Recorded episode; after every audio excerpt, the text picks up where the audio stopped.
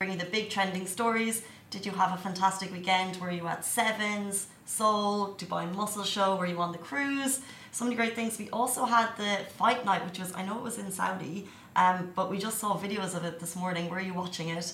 Uh, our sister publication, Lovin Saudi, was covering it, so you can go onto their Instagram and check the Insta stories. But like, it's kind of I don't know, Usher was there, Jason Derulo was there, Crown Prince Mohammed bin Salman was there, and it was an outdoor event and it just looked absolutely unreal. And then obviously pictures of Anthony Anthony Joshua uh, winning were also pretty pretty incredible.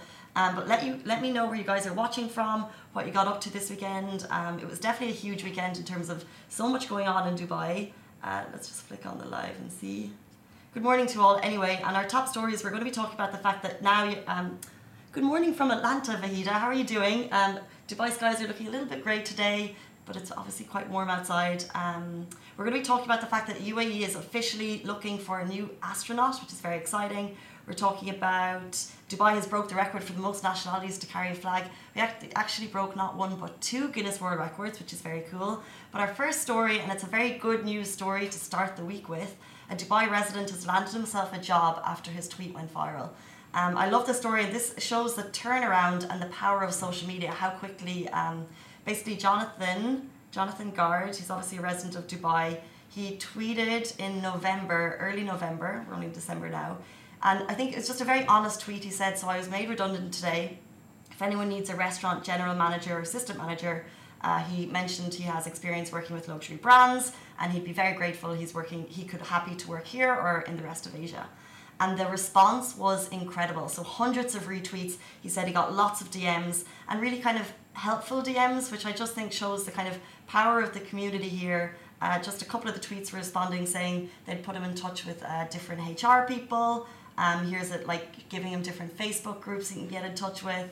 Um, there was just so many. It was really, really nice to see. And then, voila, 17, uh, 17 days after being made redundant, uh, he tweeted hundreds of retweets, dozens of emails, he sent out 20 applications. He had four interviews with the same company and he got a job. And he's now soon going to be working in Le Petit, Le Petit Belge. Did I say that right? Le Petit, Le Petit Belge in Motor City. Um, it's a really cute Belgian restaurant. And yeah, it's just, it's amazing. So this is kind of the second story that's gone viral recently of someone who's lost a job and they're looking for it. Um, you may remember Osman Rohail. Uh, we talked about him a little while ago. He rocked up in a suit to Chris Fay's gym and asked him for help.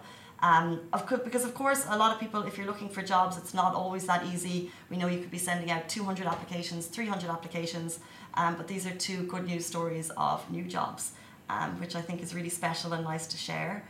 Moving on to our next story, Dubai has broken the record for the most nationalities to carry the same flag. This happened in Thursday at Dubai Police Academy Park. Uh, all nationalities were invited to come out couple of interesting things about this flag is that it was 2,020 metres uh, long. That's obviously a nod to the fact that UAE Expo is happening next year. And then they tried to get as many nationalities and as many people to carry the flag. So, first record they broke is the most nationalities, which is 58 different people, uh, different nationalities holding the flag. And then the second was the fact that 5,000 people were carrying the same flag. It must have been pretty heavy, I reckon, if it's that long. Um, but of course, so that was a nod to Expo 2020, a nod to UAE National Day, and of course to Year of Tolerance, because where else in the world do you get so many nationalities living side by side? And that's, I think, one of the reasons we all love this city. Um, moving on to our final story. Good morning, Judith from New York. So cool that you're watching from New York. What time is it even there? Good morning, Chai.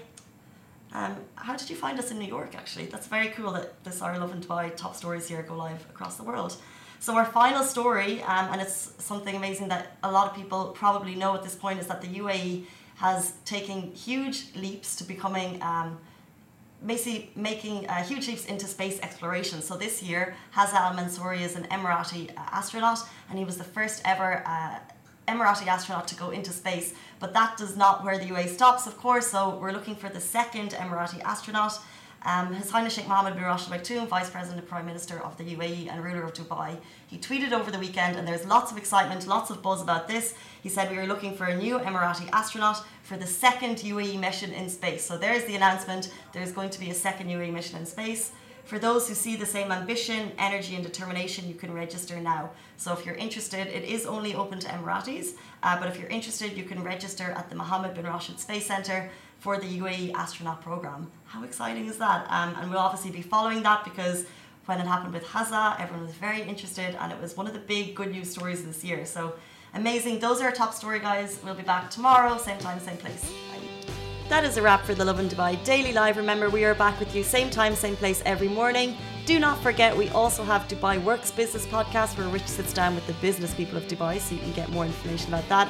And of course, the Lovin Weekly Show where Shireen and I chat to influencers and get to know a little bit more about them. Bye.